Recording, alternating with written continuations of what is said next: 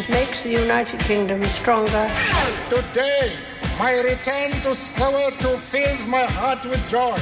Ladies and gentlemen, welcome to London Heathrow's Terminal 5. John Carlin, bon dia.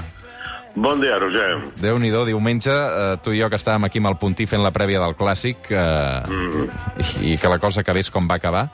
Uh, mira, uh, no ha passat ni una setmana i tenim derrota del Barça, dues derrotes més, perquè a banda de la Clàssic, la del Rayo, i fins i tot tenim ja pràcticament nou entrenador, no només Sergi Barjuan, que avui debuta, sinó que tot apunta a Xavi, eh, John? Mm. Sí, yo creo que la, la, la, palabra que define al Barça hoy, más allá de, claro, una cierta depresión y resignación por los, las derrotas recientes, la palabra clave es la nostalgia. O sea, todos nos rondean la cabeza siempre que vemos ahora al Barça los recuerdos, no la película de lo fantástico que era el equipo cuando estaban Messi, Iniesta, Xavi y compañía. Eh, y nostalgia también porque eh, es algo que está ahí en, el ADN del Barça. Fichar a, a, entrenadores holandeses para suplir, para reemplazar, para, para, hacer otra vez real el sueño de la época Cruyff, ¿no? Con, con Van Gaal, Rijkaard, eh, Koeman, Koeman se intentó. Koeman también se lo fichó por la nostalgia, por el gol que marcó en Wembley en el 92. Y ahora se repite la nostalgia en el sentido de que la apuesta es que Xavi Hernández va a ser el Guardiola 2, ¿no? Que va a repetir Mm. la, hazaña de, Guardiola, el jugador que sale ahí del centro del campo del Barça, el gran jugador, y que va a ser el redentor. Bueno, veurem, esperemos que sí. Eh, eh, de fet, els, de paral·lelismes n'hi ha, eh? perquè tots dos arriben a la banqueta del Barça amb la porta, amb poca experiència, sí que Guardiola venia d'entrenar de, el Barça bé, uh, Xavi ho ve de fer del, de, de Qatar, eh, amb edats també joves, similars, no? Vull dir que realment sí que hi ha molts paral·lelismes entre un i l'altre. Sí, sí, muchísimos. Eh, y por supuesto tienen un, una visión del, del, juego igual. O sea, evidentemente el maestro de, de Xavi Hernández ha sido Guardiola. Eh, el maestro de, Guardiola a su vez fue, fue Cruyff. O sea, se busca continuidad, pero ante todo lo que se busca ahora es poder exprimir el máximo del talento que hay en el Barça ahora, que no es tanto como en otras épocas, pero talento hay. Eh, yo no creo que jugador por jugador el Barça sea un equipo muy inferior a la selección española que lleva Luis Enrique.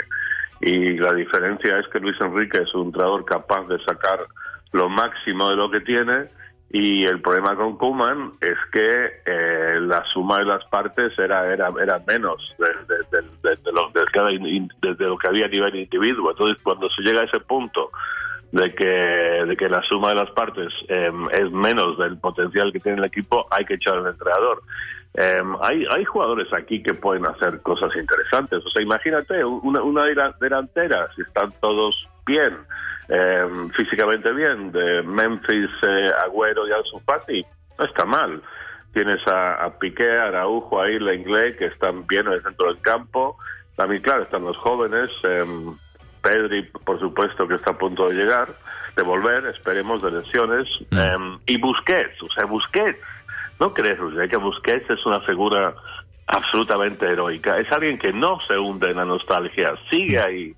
Sí, el, el que passa és que Busquets últimament només juga bé amb la selecció espanyola, bàsicament perquè, clar, Busquets perquè destaqui necessita que la resta de l'equip també remi a favor. Um, I aquí se, se, se li veuen algunes mancances perquè el Barça sí, no acaba de funcionar. No, el resto del equipo no rema a favor, pero eh, yo, yo destacaría a Busquets, que sigue jugando eh, al nivel de siempre, realmente con esa inteligencia, con esa, eh, elige bien las opciones, siempre tiene una, una frialdad, eh, una visión de juego y, y Busquets sería perfectamente comprensible psicológicamente que tenga en su mente el recuerdo de, estos gloriosos equipos en los que ha jugado y que se hunda y piensa, oh, ¿qué estoy haciendo aquí?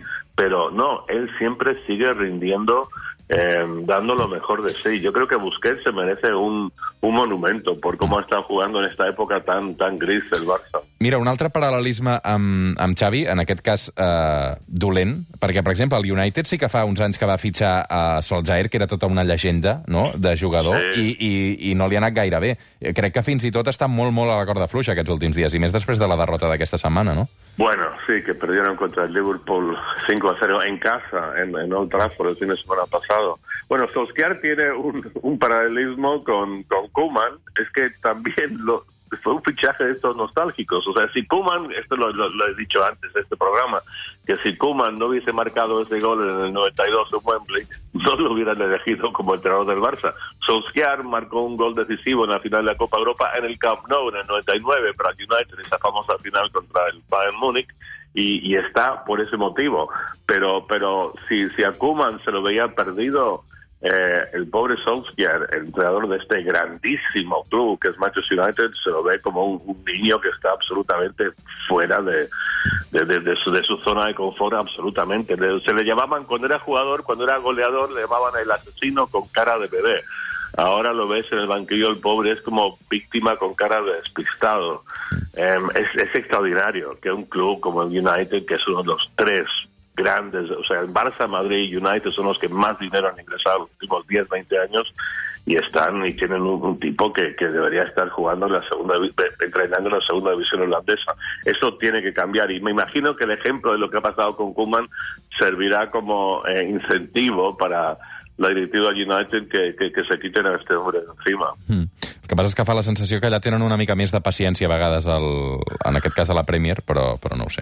Sí, sí, sí, pero, pero llega un momento, o sea, la paciencia es una, es una virtud, sí, pero, pero llega un momento en el que se vuelve una especie de, de- de locura. O sea, hubo, creo que el propio Laporta lo dijo, hubo un exceso de paciencia con Koeman, pero en el caso del Solskjaer en el Manchester United es ya, bueno, es que, es que, es que no tiene ninguna explicación. Mm. Claro, la única explicación es que no encuentran otro para, para reemplazarle, pero, pero tiene, pero cualquiera, o sea, tú y yo em, lo haríamos mejor que Solskjaer en el United ahora, te lo aseguro. Parlaves de nostàlgia, avui arribarem a les 9 del matí amb Julio Iglesias, però eh, no, Julio Iglesias. no.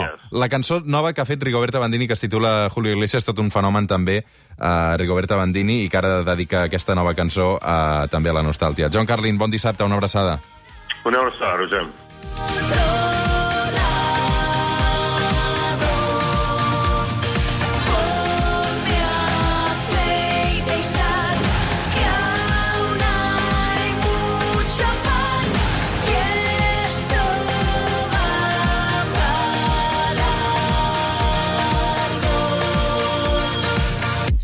Truana, soy una señora. ta, ta.